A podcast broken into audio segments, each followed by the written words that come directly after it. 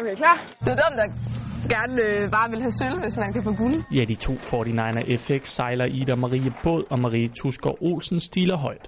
Der er to kortsigtede mål lige nu. Øh, mål nummer et, det er at vinde EM. Kortsigtet mål nummer to, det er at komme i top 3 til VM.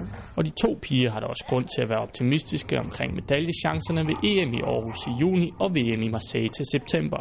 Hvis man ja, kan se, ligesom når man sejler stævner, det kunne godt være realistisk, så der er ikke nogen, altså, der er ikke nogen grund til at ikke at kæmpe efter det, altså det allerstørste, man kan kæmpe efter. De er nemlig fire gange ungdomsverdensmestre i en bådtype, der ligner 49er FX'eren, og er blevet nummer 1 og 3 i de internationale stævner, de har sejlet i denne sæson. Så der er masser af selvtillid og tro på egne evner i den danske båd, og de to sejlerpiger har intet imod at tale åbent om deres ambitiøse mål. Man skal jo lære at sige det højt, før man øh, kan overbevise alle andre, og egentlig også en selv, på at det er det, der, øh, der er målet. Det er det, der er målet, og det man skal, og det man vil.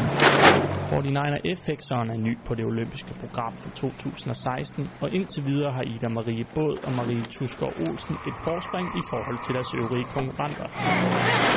Båden minder nemlig meget om den, de sejlede i deres ungdomsår, så sejlteknisk er de foran de fleste af deres rivaler.